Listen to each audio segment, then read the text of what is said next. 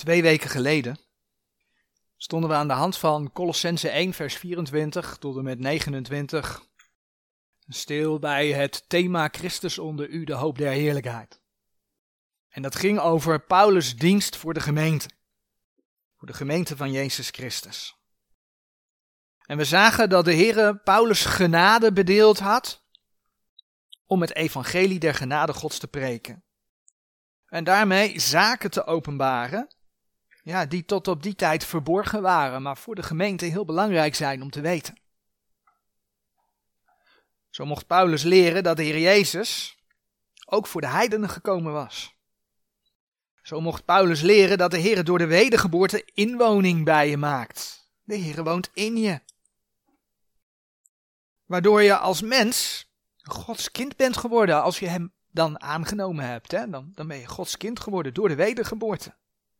En dat je dan in verwachting mag leven van een heerlijke toekomst die hij schetst in zijn woord. Ja, dat alles kostte Paulus wel strijd. Paulus leed zodat de heidenen zicht kregen op de rijkdom van het evangelie. Zodat je als lid van de gemeente weet dat je rijk gezegend bent in de Heer Jezus Christus. Nou, afgelopen week, vorige week zondag, stonden we stil bij de strijd die Nehemia meemaakte. Omdat hij Gods opdrachten uitvoerde. En Nehemia kreeg te maken met allerlei tegenslagen. Ja, die tegenslagen, dat zijn allemaal tactieken, tactieken van de vijand, om dat werk van God stil te leggen. En dat is vandaag de dag niet anders. Nou, we zagen hoe je daar door gebed, door voorbereid te zijn, door strijdbaar te zijn, door vertrouwen op de God te hebben en door geen compromissen op de waarheid te sluiten, hoe je daarmee om kunt gaan. Hoe je daardoor staande kunt blijven. Zodat Gods werk doorgang vindt. Nou, een deel van de Nehemia's strijd kwam door misleiding. Mensen probeerden het met hem op een akkoordje te gooien. Maar later kwamen daar ook valse profeten bij kijken. Die hem opdrachten gaven die niet van de Heere God afkomstig konden zijn. Nou, vanmorgen zullen we zien hoe je door woorden misleid kunt worden. Maar ook hoe je je daar volgens de Heere tegen kunt beschermen. En daarvoor gaan we allereerst lezen Colossense 2, vers 1 tot en met 5. Colossense 2, de eerste vijf versen.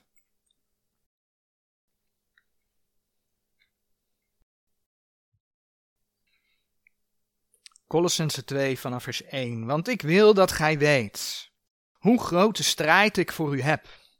En voor degenen die te Laodicea zijn. En zoveel als er mijn aangezicht in het vlees niet hebben gezien. Opdat hun harten vertroost mogen worden en zij samengevoegd zijn in de liefde. En dat tot alle rijkdom der volle verzekerdheid, des verstands, tot kennis der verborgenheid van God en den Vader en van Christus. In de welke al de schatten der wijsheid en der kennis verborgen zijn. En dit zeg ik, opdat niet iemand u misleide met beweegredenen die een schijnen hebben. Want hoewel ik met het vlees van u ben, nochtans ben ik met de geest bij u, mij verblijdende en ziende uw ordening en de vastigheid van uw geloof in Christus. In Colossense 2 vers 1 hebben we dus gelezen hoe Paulus opnieuw vertelde over zijn strijd want dat vers dat zegt, want ik wil dat gij weet hoe grote strijd ik voor u heb. En voor degenen die te Laodicea zijn, en zoveel als er mijn aangezicht in het vlees niet hebben gezien. Paulus leed voor de gemeenten te Colosse en te Laodicea. Voor velen die hem niet eens van gezicht kenden. Ja, en daar is een mooie vergelijking in met de Heer Jezus. Velen hebben hem nog niet van aangezicht tot aangezicht gezien. En toch leed de Heer Jezus voor hen. om hen eeuwig leven te geven. Hij ging de weg van vernedering. Tot aan het kruis, tot in de dood, tot in, tot in het graf, tot in de hel. Om vervolgens door zijn opstanding uit de dood ieder mens het eeuwige leven aan te bieden. En dat geldt ook vandaag de dag. Je hebt de Heer Jezus Christus niet gezien. Maar op basis van het getuigenis in de schrift kun je hem aannemen om een kind van God te worden. Heb je hem aangenomen en ben je een kind van God geworden? Twee mogelijkheden. Zo leed Paulus, om ook de gemeente van de eindtijd zicht te geven op de zekerheid van het geloof. Door de verborgenheden die hij mocht openbaren en dat kostte tranen. Die tranen die kun je bijvoorbeeld vinden in 2 Korinthe 2 vers 4. Er zijn meerdere plekken te vinden hoor. Maar zo schreef Paulus de Galaten in eh, Galaten 1 vers 6 en 7 het volgende. Gelaten 1 vers 6 en 7 lezen we, ik verwonder mij dat gij zo haast wijkende van degene die u in de genade van Christus geroepen heeft, overgebracht wordt tot een ander evangelie. Daar er geen ander is, maar er zijn sommigen die u ontroeren en het evangelie van Christus willen verkeren. En ja, wanneer een kind van God afgeleid, is hij of zij behouden. Je bent een kind van God of je bent geen kind van God. Als een kind van God afgeleid, dan is hij of zij behouden. Maar het kost misschien wel de zekerheid in het geloof. Je gaat twijfelen, want je weet het niet meer. Of het kost je loon in de eeuwigheid, omdat je schade zult lijden. En wat je in Galaten ziet gebeuren, was dat velen daar nog niet tot levend geloof in de Heer Jezus waren gekomen. want naar de kerk gaan betekent niet dat je gered bent. Redding is niet in het naar de kerk gaan. Er waren mensen in Galaten die verwachten het van de rechtvaardiging van de wet. Door de wet. En dan zegt Galaten 5 vers 4 dat mensen die het van de wet verwachten en de rechtvaardiging door de wet verwachten, dat zij vervallen zijn van de genade, gelaten 5 vers 4. En zo kon Paulus' werk dus op twee manieren ijdel gemaakt worden. Enerzijds dat gelovigen weggehouden worden bij die volle zekerheid, bij loon en kroon in de eeuwigheid. Anderzijds doordat mensen die wel op de weg waren, geblokkeerd worden om de Heer aan te nemen. Dat kostte strijd. Fysiek, maar ook geestelijk. Dat kostte tranen. En let op, als je Colossense 2 vers 1 leest, dan lees je dat daar ook Laodicea genoemd wordt. En wat is het bijzondere van Laodicea? Nou, Laodicea is die gemeente die in Openbaring 3 als laatste genoemd wordt voordat de Heer zijn gemeente komt halen. En als je die gemeentes in openbaring uitzet in, in de geschiedenis, profetisch, dan is dus Laodicea de laatste voordat de Heer komt om zijn gemeente te halen. Ja, en Laodicea wordt daar beschreven vanwege zijn lauwheid, door de afval van het geloof. En Paulus' waarschuwingen, door de Heer aan hem geopenbaard, zijn ook voor ons. Want wij leven in de eindtijd. Wij leven in die tijd die gekenmerkt wordt door afval van geloof. En zo mooi als dat dan in dat vers geschreven staat, dat velen zijn aangezicht niet gezien hebben. Wij hebben hem niet gezien, maar zijn boodschap is wel voor ons. En daar heeft Paulus voor geleden. Zodat je gewaarschuwd bent.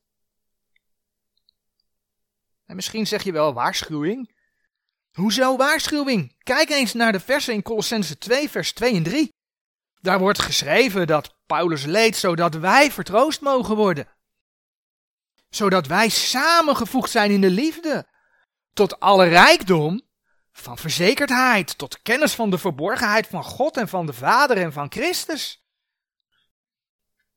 En vervolgens, in hem zijn al de schatten van wijsheid en kennis verborgen. Hoezo waarschuwing? Dat is toch allemaal positief? Ja, dat klopt.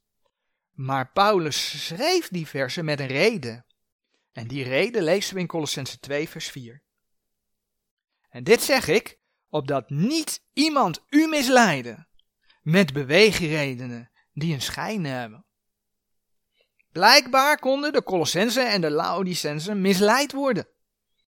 Blijkbaar kun je als kind van God misleid worden. En dat heeft volgens dit vers te maken met beweegredenen die een schijn hebben.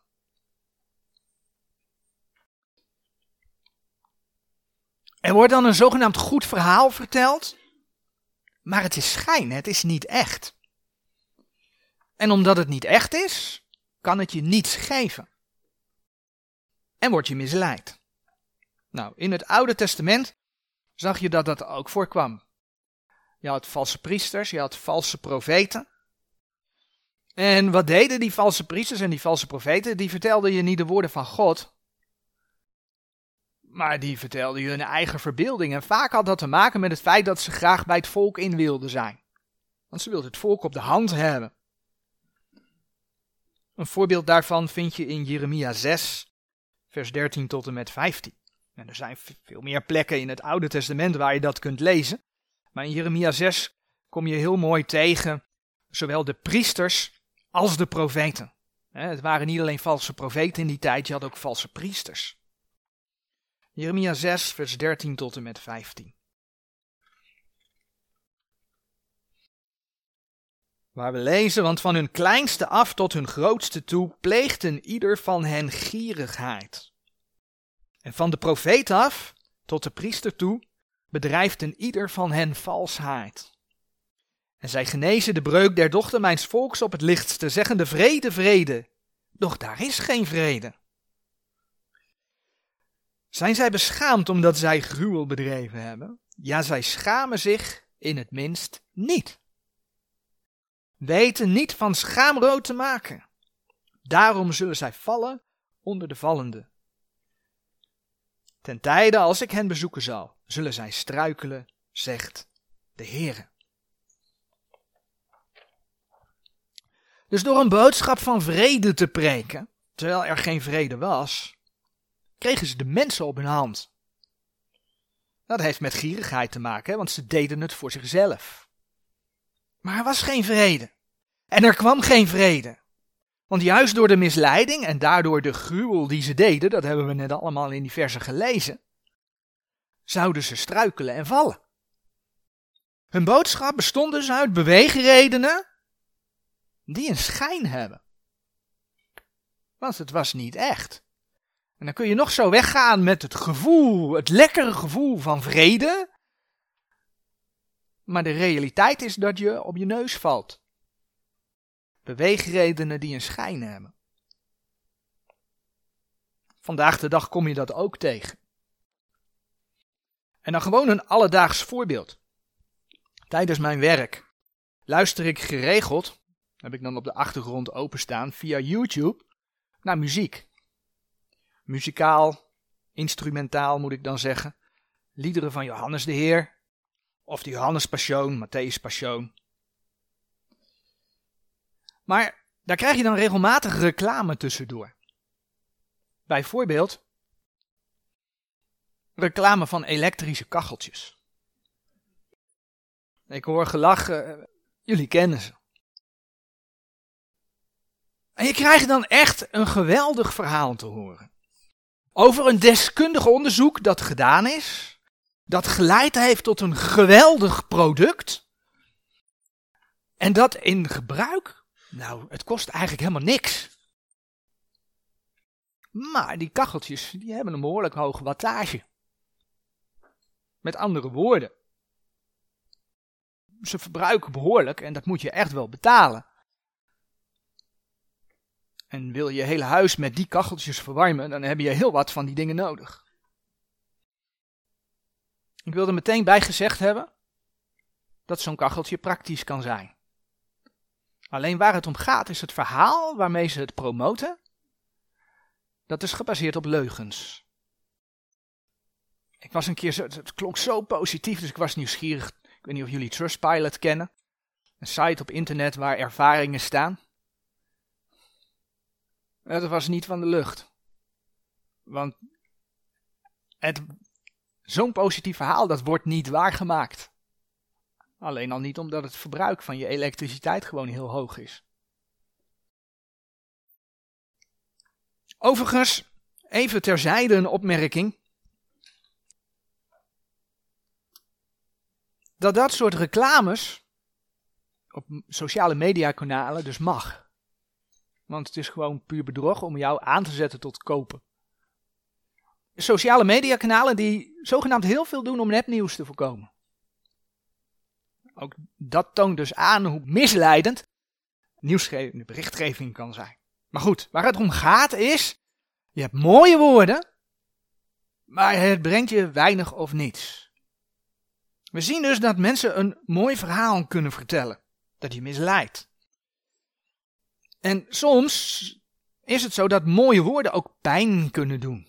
Nou, een, een voorbeeld daarvan vinden we in de psalmen, psalm 55, vers 22.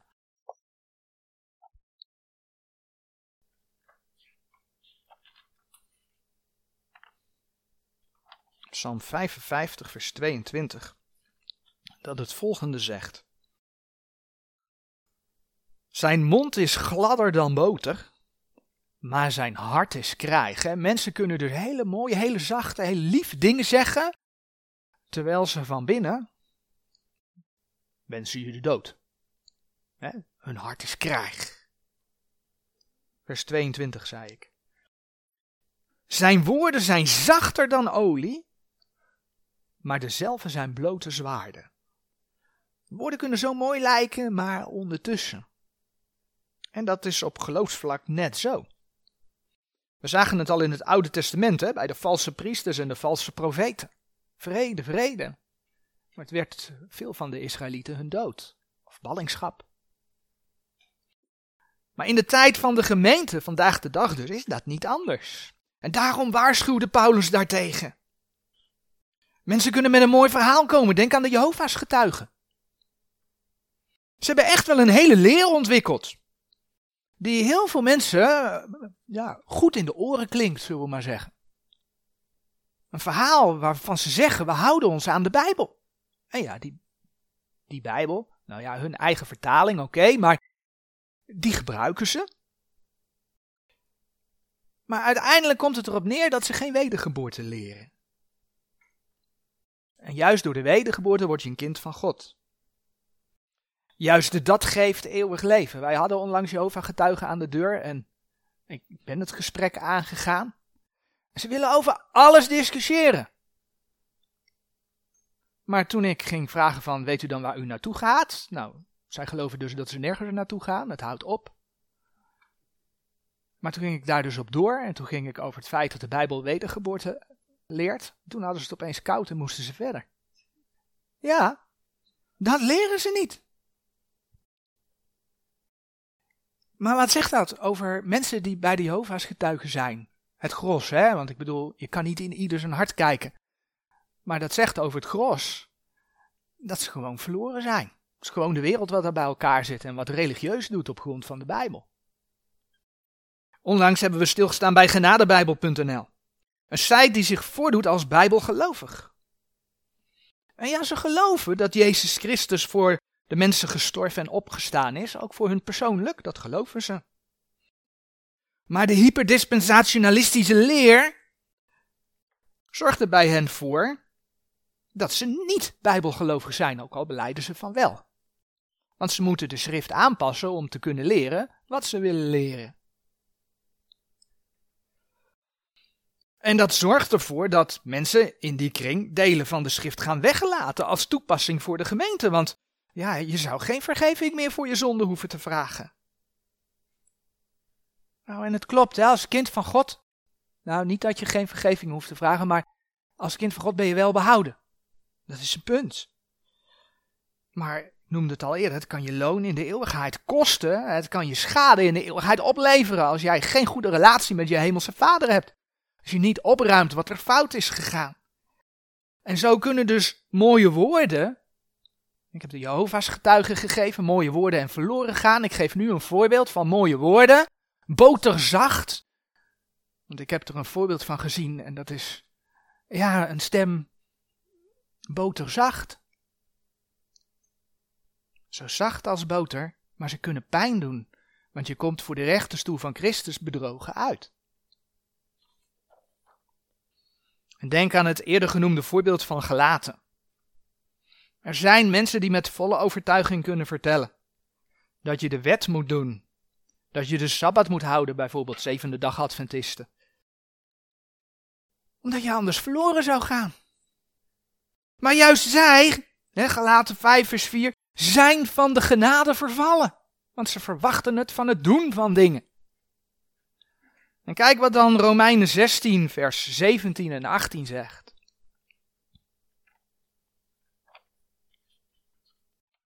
Romeinen 16 vers 17 en 18.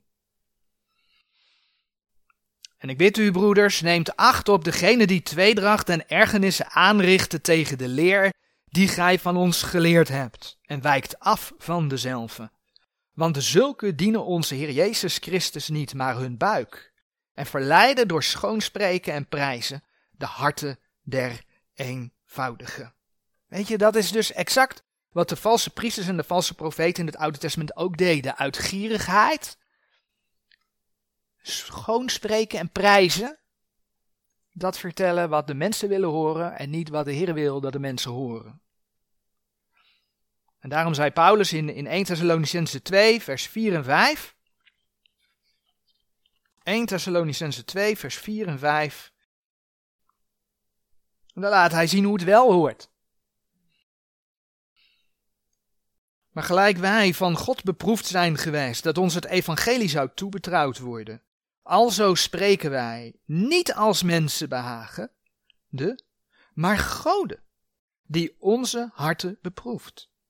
Want wij hebben nooit met pluimstrijkende woorden omgegaan, gelijk gij weet, nog met enig bedeksel van gierigheid. God is getuige. Paulus zegt, nee, we moeten niet gierig zijn, we moeten het niet voor onszelf doen. We moeten niet mensen behagen, maar we moeten goden behagen. We moeten de waarheid verkondigen. Dat is dus de bedoeling. Maar de tactiek van de boze om mensen ja, is om mensen af te pakken van de Here.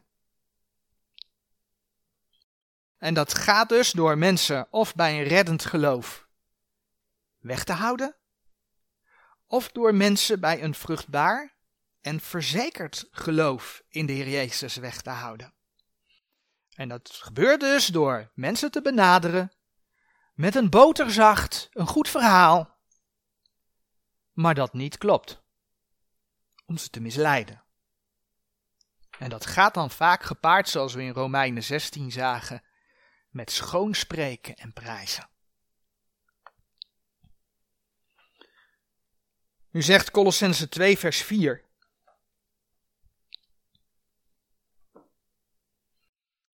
En dit zeg ik, opdat niet iemand u misleiden met beweegredenen die een schijn hebben.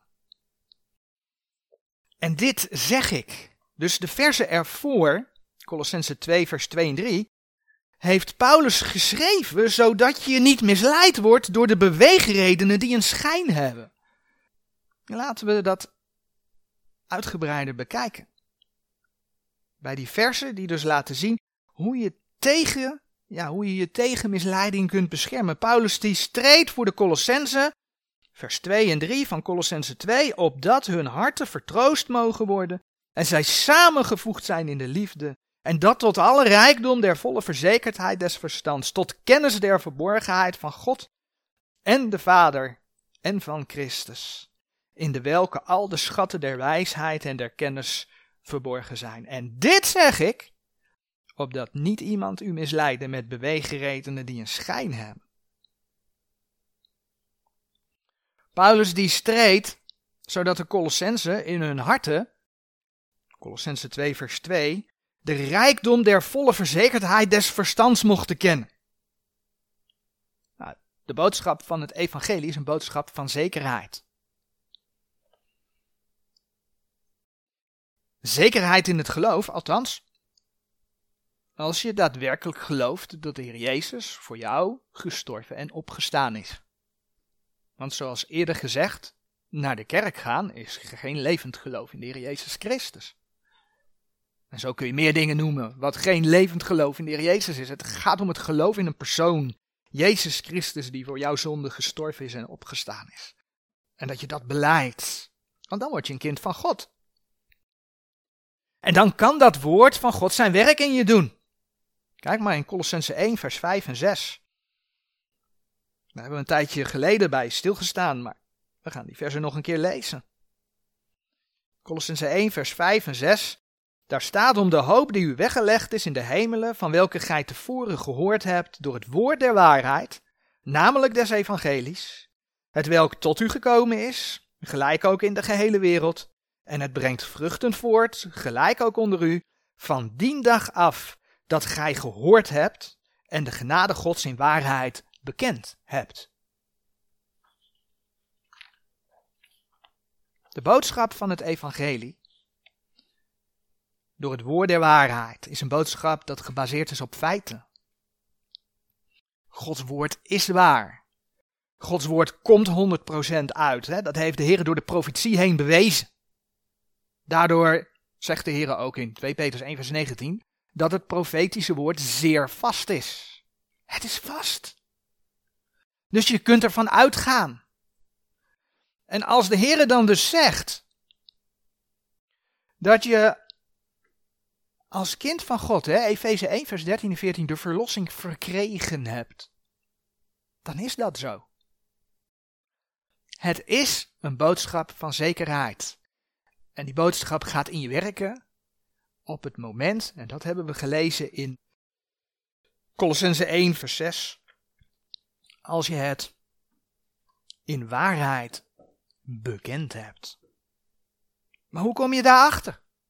Hoe kom je daarachter? Door het woord der waarheid tot je te nemen. Dat kan in een preek gebeuren. Maar om zelf overtuigd te raken is het ook goed om dat zelf na te lezen. Door het te lezen, door het te bestuderen. We kennen die tekst. Die gebruiken we altijd voor het recht snijden van Gods woord, want dat wordt daar zo mooi in verwoord. Maar er staat ook een ander woordje in die tekst. 2 Timotheus 2 vers 15. Benaarstig u om uzelf een goden beproefd voor te stellen, een arbeider die niet beschaamd wordt, die het woord der waarheid recht snijdt. Dat betekent dus niet dat je met je handen aan het werk bent, ergens anders. En daar goed je best in doet. En dat je dan niet beschaamd uitkomt. Ja, de schrift laat zien dat we ook met onze handen moeten werken. Maar het gaat hier om dat je een arbeider in het woord bent. Dan gaat het om. Wees een arbeider in Gods woord. Wees ermee bezig. Je komt in een gemeente waar het woord van God uitgelegd wordt. En laten we ons op de basis richten. Je komt in een gemeente waar onder andere het evangelie der genade Gods uitgelegd wordt. Maar kun je het voor jezelf uitleggen? Aan de hand van Gods woord. Dat vereist namelijk dat je niet alleen op zondag naar de boodschap luistert, maar dat je er ook voor jezelf mee bezig gaat. De gelovigen te Berea brachten dat in de praktijk in, in Handelingen 17 vers 11, daar staat zo mooi geschreven. Handelingen 17 vers 11, geen onbekend vers. Handelingen 17 vers 11. En deze waren edeler dan die te Thessalonica waren, als die het woord ontvingen met alle toegenegenheid, onderzoekende dagelijks de schriften of deze dingen al zo waren. En dat tekst wordt wel gebruikt om, om te zeggen, we moeten checken of dat woord wat gebracht wordt, daadwerkelijk Gods woord is. En ja, dat, dat lezen we in dat vers. Maar het gaat natuurlijk verder. Want zij waren aan het zoeken in de schrift. Zij zochten het na. Oftewel, zoek de teksten op. Kijk of je het begrijpt. En kijk of je vervolgens zelf het evangelie aan de hand van Gods woord kunt uitleggen. Want dat gaat je sterk maken. Op het moment dat mensen met vragen komen, dan weet je wat je antwoorden moet, want je hebt het zelf opgezocht en je kunt het zelf uitleggen. Maar dat maakt je ook sterk wanneer ze bij je komen met een mooi verhaal. Ja. Want dat mooie verhaal, dat kan een oprechte vraag zijn. Maar dat mooie verhaal kan ook zijn om te misleiden. En weet je, op het moment dat je het voor jezelf kunt uitleggen, dan weet je waar je staat. En kun je zeggen, de schrift zegt. Dan word je niet misleid door beweegredenen die een schijn hebben. Wees een arbeider in Gods woord. En die rijkdom der volle verzekerdheid des verstands is, zegt dan Colossense 2 vers 2, tot kennis der verborgenheid van God en de Vader en van Christus. Ja, dit vloeit eigenlijk voort uit wat we zojuist gezien hebben en eigenlijk ook de vorige keer toen we bij Colossense stilstonden. De apostel Paulus mocht verborgenheden openbaren, die je ook als heiden rijkelijk zegenen in het lichaam van de Heer Jezus. Nou, als je Colossense 2 vers 2 leest, dan wordt daar eigenlijk over drie verborgenheden gesproken, namelijk de verborgenheid van God, de verborgenheid van de Vader en de verborgenheid van Christus. Colossense 2 vers 2, tot kennis der verborgenheid van God en den Vader en van de Vader en van Christus. Een verwijzing, en dan begin ik bij die eerste, de verborgenheid van God. Een verwijzing daarna is Openbaring 10, vers 7. Openbaring 10, vers 7. Waar je leest.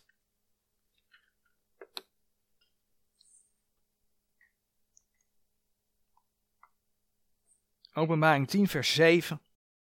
Waar je leest, maar in de dagen der stem des zevende engels Wanneer hij bazuinen zal, zo zal de verborgenheid Gods vervuld worden, gelijk hij zijn dienstknechten, de profeten, verkondigd heeft.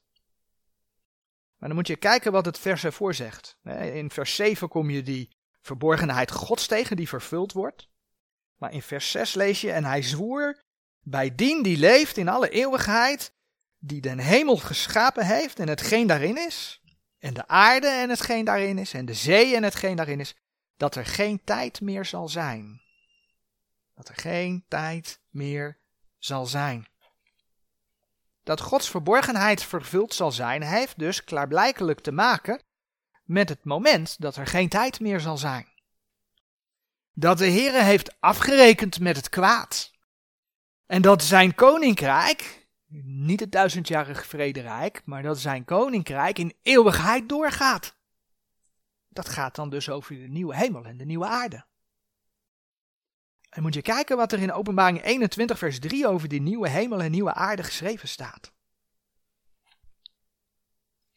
Eigenlijk het laatste stukje van dat vers. En God zelf zal bij hen en hun God zijn. Hé. Hey. En God zelf zal bij hen en hun God zijn. God die we niet kunnen zien.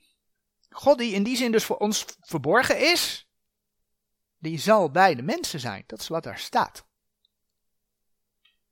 De verborgenheid van de Vader, we hebben het over de verborgenheid van God gehad, de verborgenheid van de Vader, laat zien dat die God, die eens onder de mensen zal zijn, zich nu reeds kenbaar heeft gemaakt in zijn Zoon.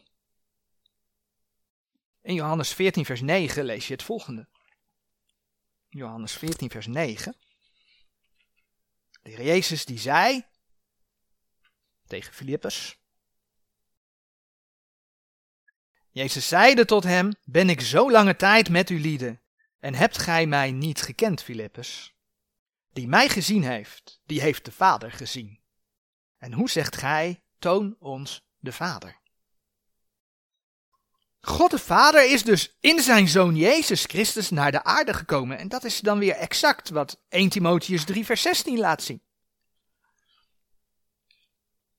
1 Timotheus 3 vers 16.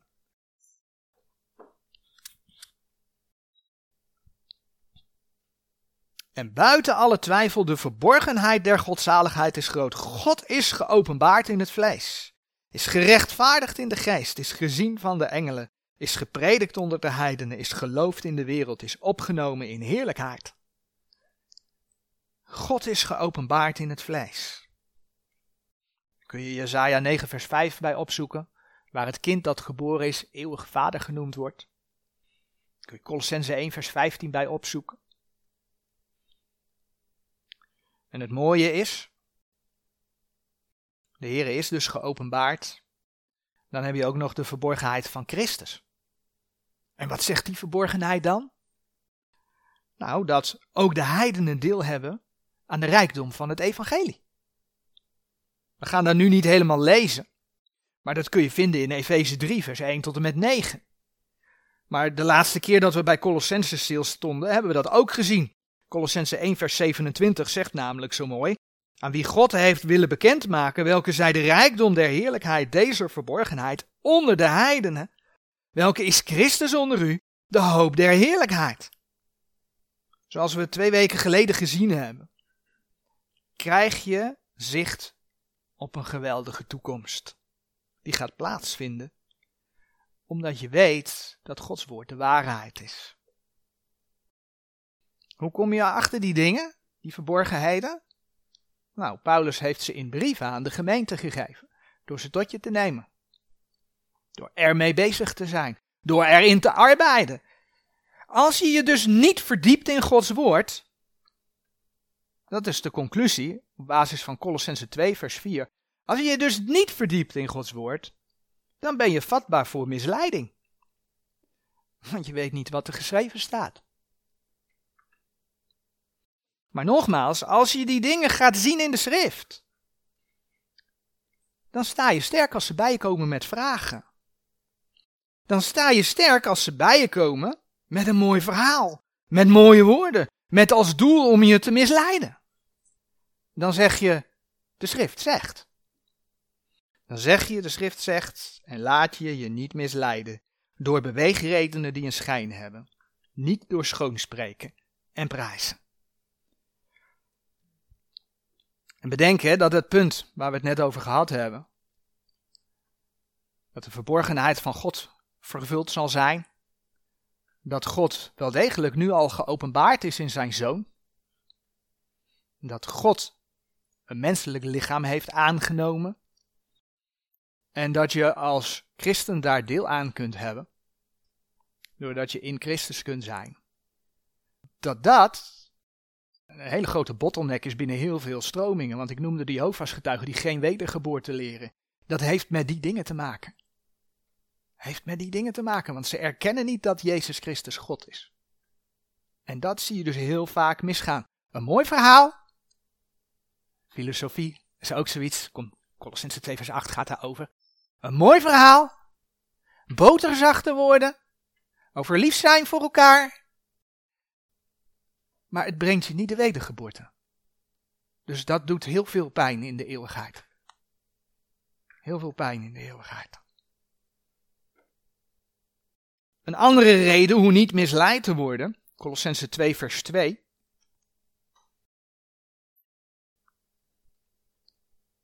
is door samengevoegd te zijn in de liefde.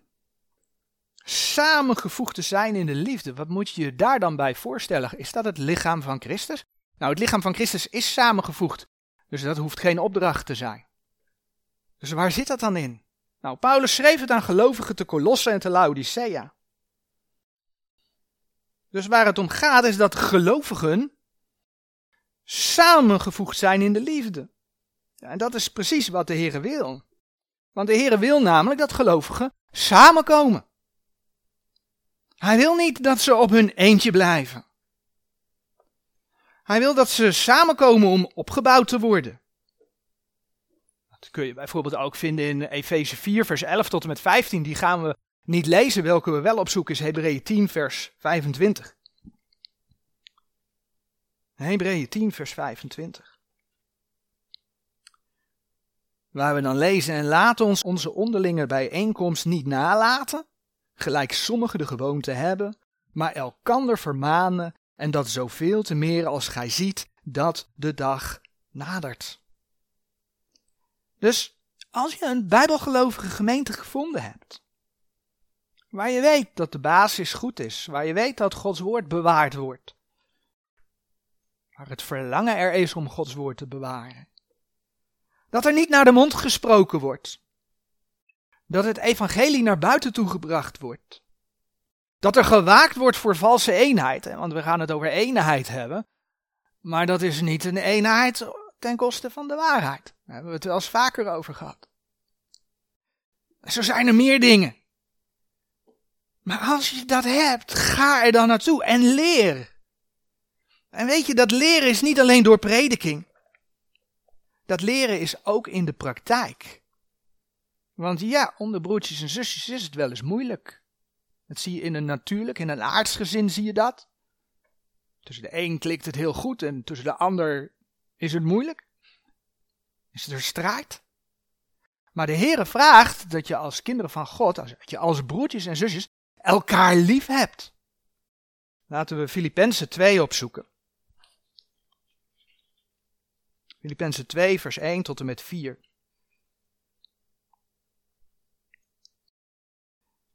Waar we dan lezen.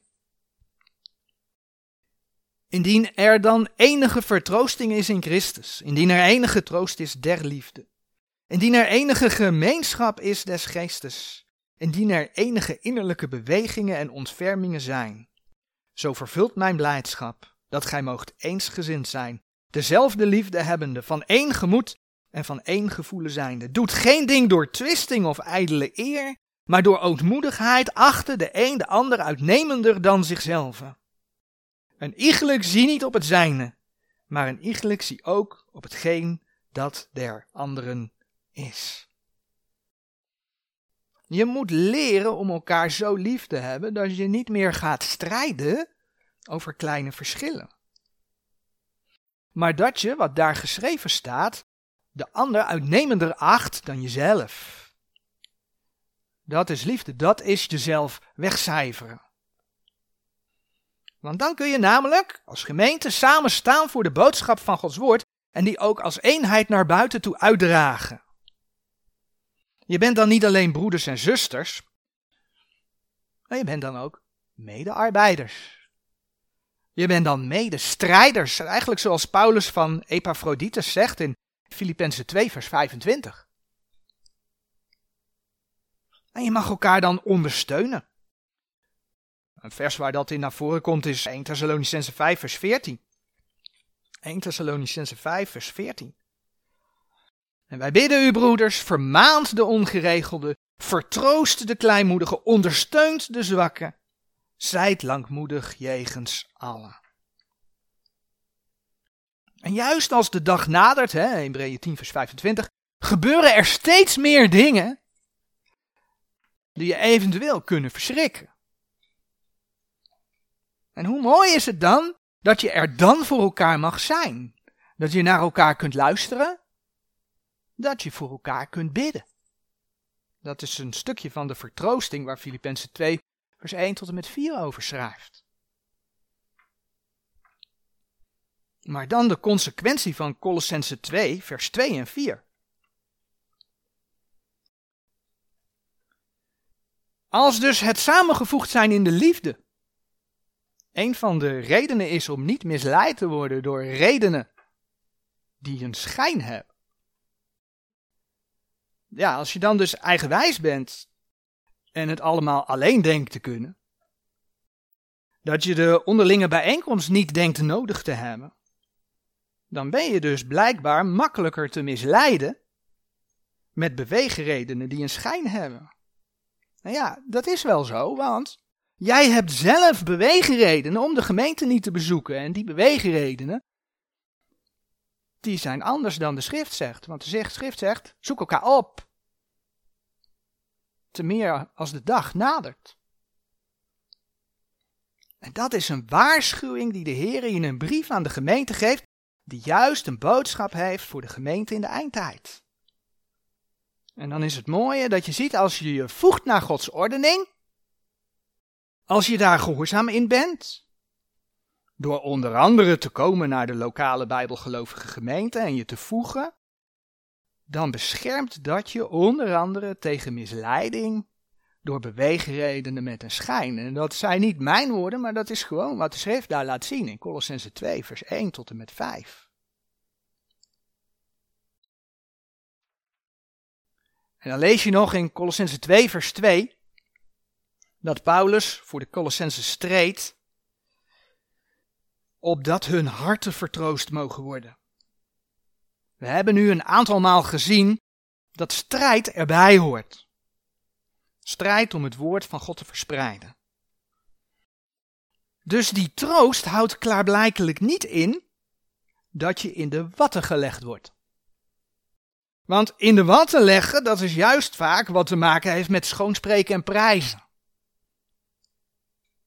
Ze roepen vrede. De watten. Lekker zacht. Maar ondertussen, er is geen vrede. Om even te refereren aan het oud-testamentische voorbeeld. De vertroosting van Gods woord zit hem namelijk in de realiteit. Ja, er is strijd. Ja, er is strijd voor de waarheid. Een strijd die vaak ook nog fysiek gevoeld wordt en tranen kost. Maar je bent met de Heere God verzoend. En je ziet uit naar een geweldige toekomst. Die verwachting, die hoop, dat is hetgeen dat troost. En dan zegt Romeinen 15, vers 4. Romeinen 15, vers 4.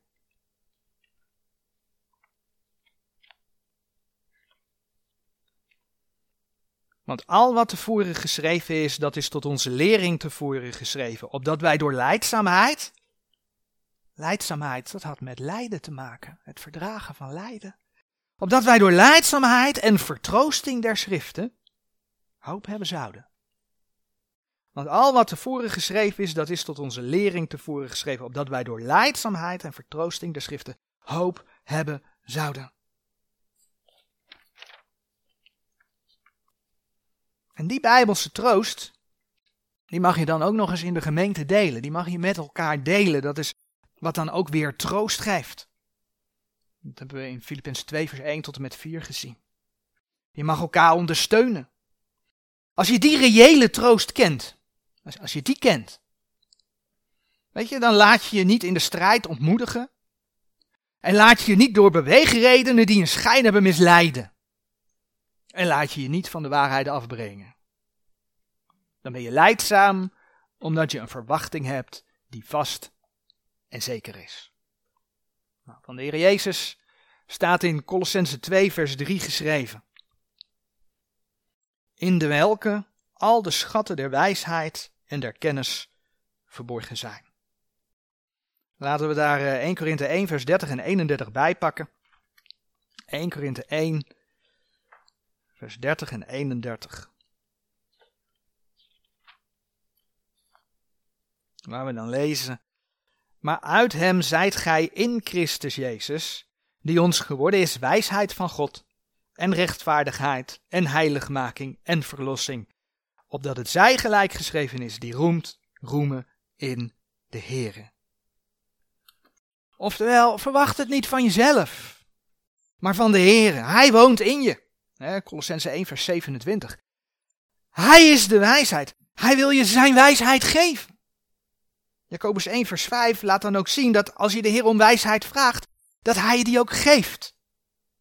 En ook daar gaat dan weer op, wat we de laatste twee zondagen reeds zagen. Wie zit er op de troon van jouw hart? Wie zit er op de troon van jouw hart? Laat je de Heer je leven leiden vanuit zijn wijsheid? En bid je daar oprecht om? Of stuur je liever zelf?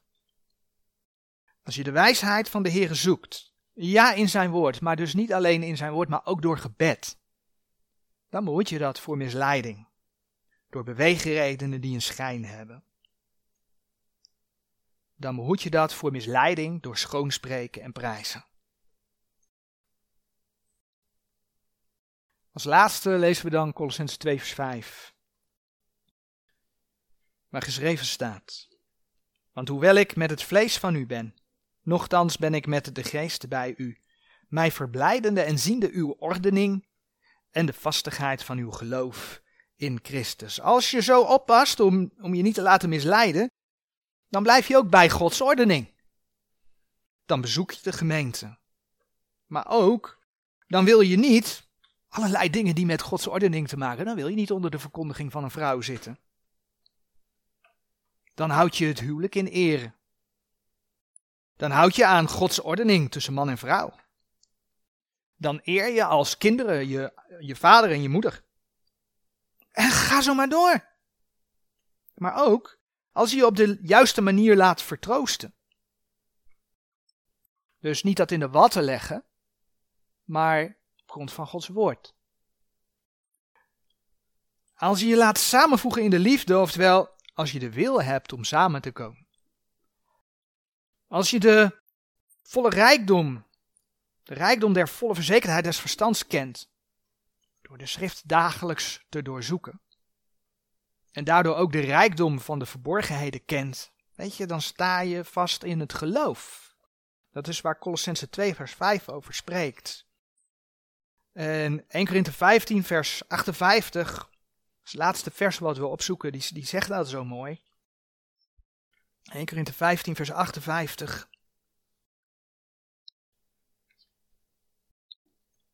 Zo dan, mijn geliefde broeders, zijt standvastig, onbeweeglijk, altijd overvloedig, zijnde in het werk des Heren, als die weet dat uw arbeid niet ijdel is in de Heren. Zo dan, mijn geliefde broeders, zijt standvastig, onbeweeglijk, altijd overvloedig zijnde in het werk des Heren, als die weet dat uw arbeid niet ijdel is in de Heren. Als je zo vaststaat, doordat je de schrift kent, doordat je jezelf afhankelijk maakt van de Heer, dan is dat je bescherming om niet misleid te worden door beweegredenen die een schijn hebben, of door schoonspreken en prijzen. Amen.